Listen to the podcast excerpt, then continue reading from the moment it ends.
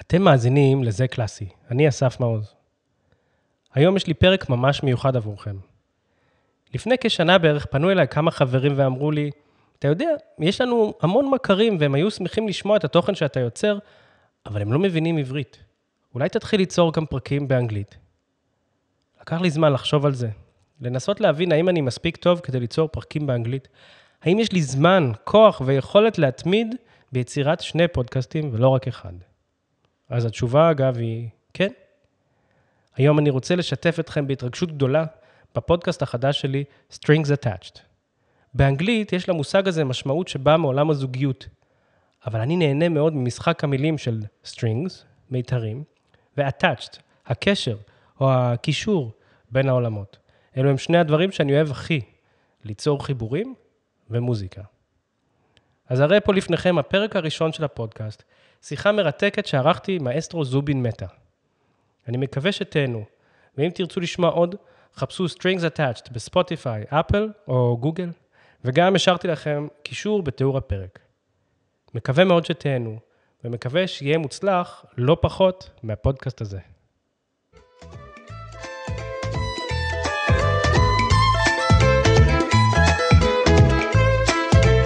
This is Zubin Mehta, the ex music director of the Great Israel Philharmonic Orchestra. Let me start by telling you a story that you probably forgot, but the day of my first audition to the Israel Philharmonic, and um, I, I got in and I went to talk to you and say thank you, Maestro, for you know accepting me to this orchestra, and you told me. I heard that you are half Indian, so now we are one and a half Indians in the orchestra. So thank you for that. And You're uh, welcome. You're welcome.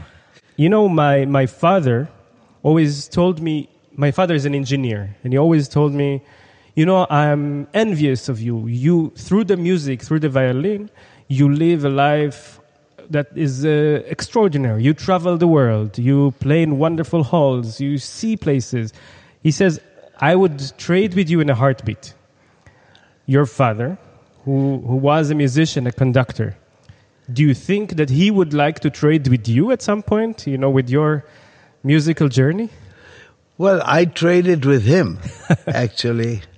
Uh, I grew up worshiping him because he was a very good violinist. Especially he, when he went, after he went to New York for five years, studied with Ivan Galamian, the great violin teacher, came back, and I just heard the entire violin repertoire firsthand at home through his practicing and performing in public.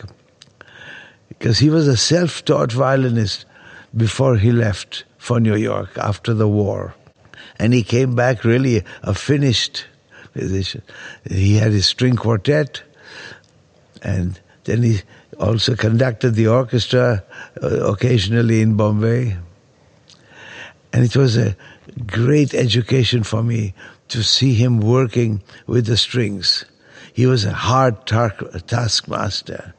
God forbid if he caught one second violin not playing in the same part of the bow as the rest of the group. You used to listen to, I read in your biography that you listened to a lot of chamber music, a lot of symphonic music. Is there any piece that you heard back then and then you revisited when you were, let's say, older or more educated that you. Well, definitely the answer would be the four Brahms symphonies.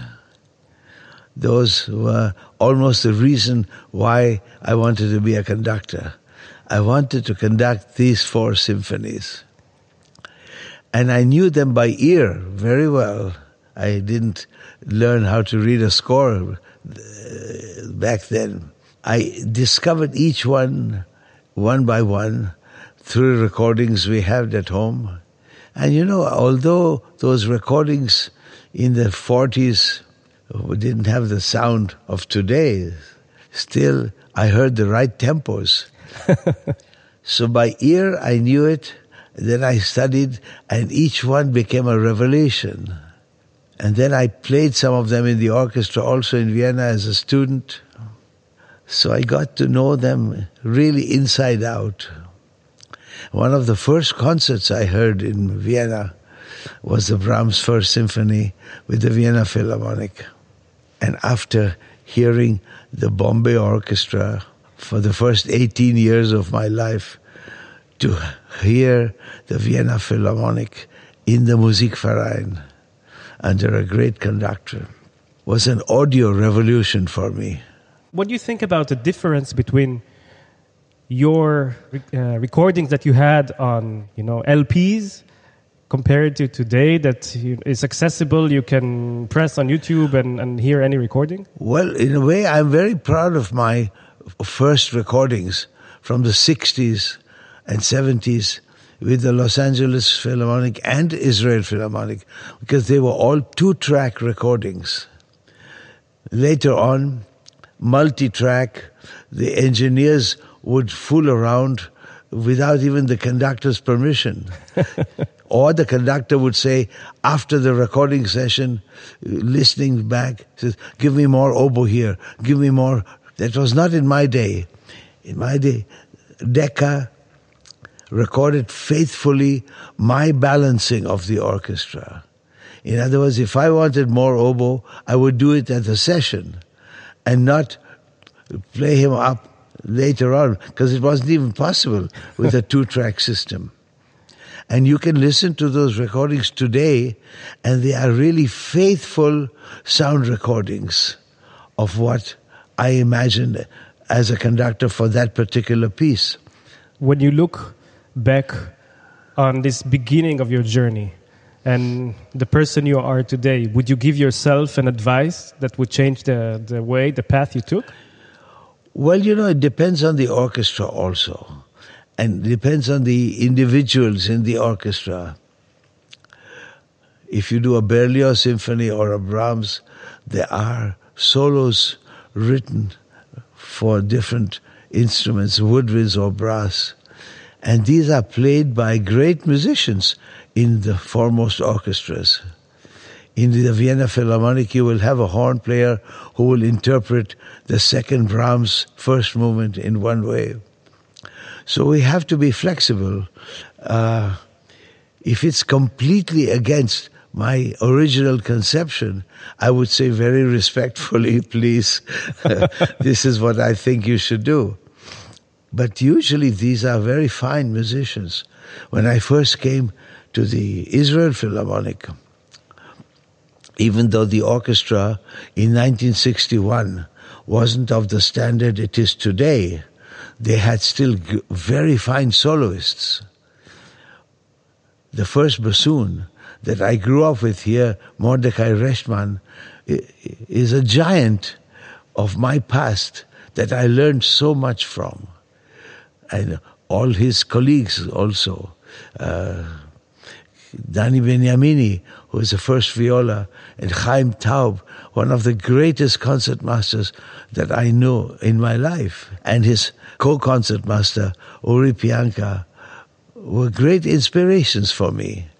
I must say, as a young conductor, I absorbed a lot that they taught me without, without even speaking to me. Is it important for you or for a conductor to be friendly with the musicians or maybe the old generation of, of conductors that were kind of tyrants? As a young music director, I was very friendly with many musicians in Montreal and then in Los Angeles also. I would be at their homes invited for meals and discuss endlessly my dreams uh, and what they thought and what the, their opinion was, etc. So uh, it's very important what you asked me just now. Uh, yes, I told uh, the musicians in Los Angeles when I first came, I said, I'm going to start almost learning my repertoire with you guys. If you have any suggestions, please, my door is open. Well, I had a queue outside my door for many seasons because there were fine musicians in Los Angeles. They had played before me with Otto Klemperer, Bruno Walter, Stravinsky, and I learned a tremendously amount from them. And then I would go to guest conduct every year Vienna and Berlin, which I have not stopped till today.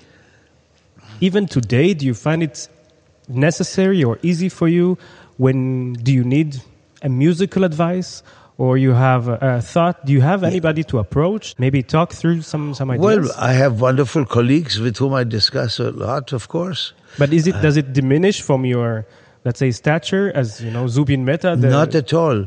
Uh, even today, if I'm doing the third symphony of Brahms, and there's an oboe player who has his own interpretation and convinces me, I am completely flexible.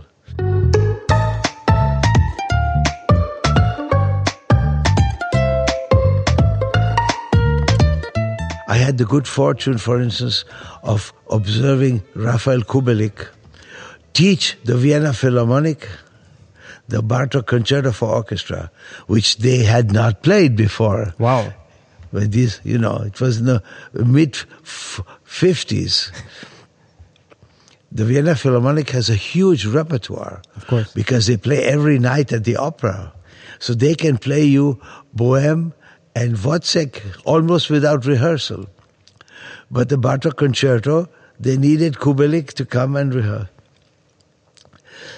I heard Bruno Walter do the Mahler Fourth Symphony, uh, which I noticed that a lot of them uh, hadn't played it before. So, uh, and in Los Angeles, I would go to recording sessions of Bruno Walter. I was there when he recorded Mahler's Ninth Symphony, which I didn't know at, at all, and nor did the orchestra. And he was very patient old man. He wanted to put it down on paper before he passed. And uh, so those experiences I cannot forget. And then, of course, I sang in the choir in Vienna. That must have been Quite- uh, yes, quite a. I wanted to look at the conductors from that point of view. And I can sing you the Missa Solemnis or the Brahms Requiem tomorrow morning by heart. So you are talking about all these amazing conductors, which I wish I, I would have played with under them. And I wonder, do you feel like you are approachable for other people to learn from your wisdom? Do you do you, do you well, I'm very open when young conductors want to come to rehearsals. I never say no. Because when I was young, a lot of conductors d- did not allow me to come to rehearsals. And is there anything in uh, nowadays education of, of musicians, of conductors? You know, we are taught many things. Do you think there's something basic that is lacking? Maybe something you Well, somebody taught? asked me recently, what is your advice to young conductors? What would you, I would say, tell them to come prepared to the first rehearsal. it's very important because the orchestra judges conductors immediately what their knowledge is, what their technique is, what their rehearsal process is, because we also have to be psychologists. Also, to answer your previous question, we have to know the musicians. It's not e- when you guest conduct, you cannot know all of them. But when you're music director, I think I have known my musicians personally. Not hundred percent; it's impossible, but most of them. And in Israel, people who love to discuss.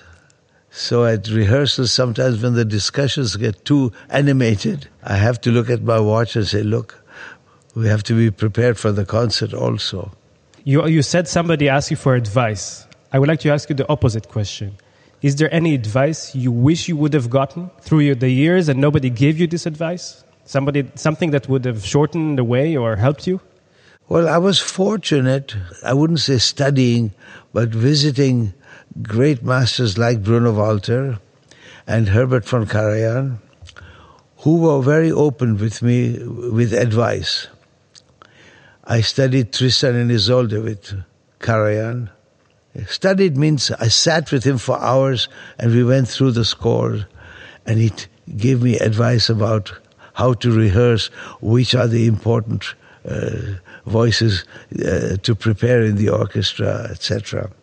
Bruno Walter uh, talked to me a lot about Mahler's first symphony. And he would run to the piano and give me little examples. And I was sitting there listening to Bruno Walter playing piano. so I was very fortunate. And going to rehearsals a lot. And then I was very indebted and close to my teacher, Hans Swarowsky. He was one of the most intellectually powerful people I've ever met. A young conductor who, because of his being Jewish, was not allowed to practice during the war. But he became close to Richard Strauss. And not having any work, he spent a lot of time with Strauss. And Strauss conducted a lot during the war, both in Berlin and Vienna.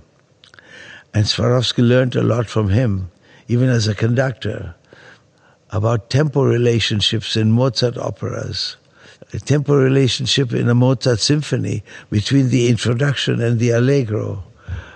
All these things were revelations for me. He would come to my rehearsals and uh, make comments also.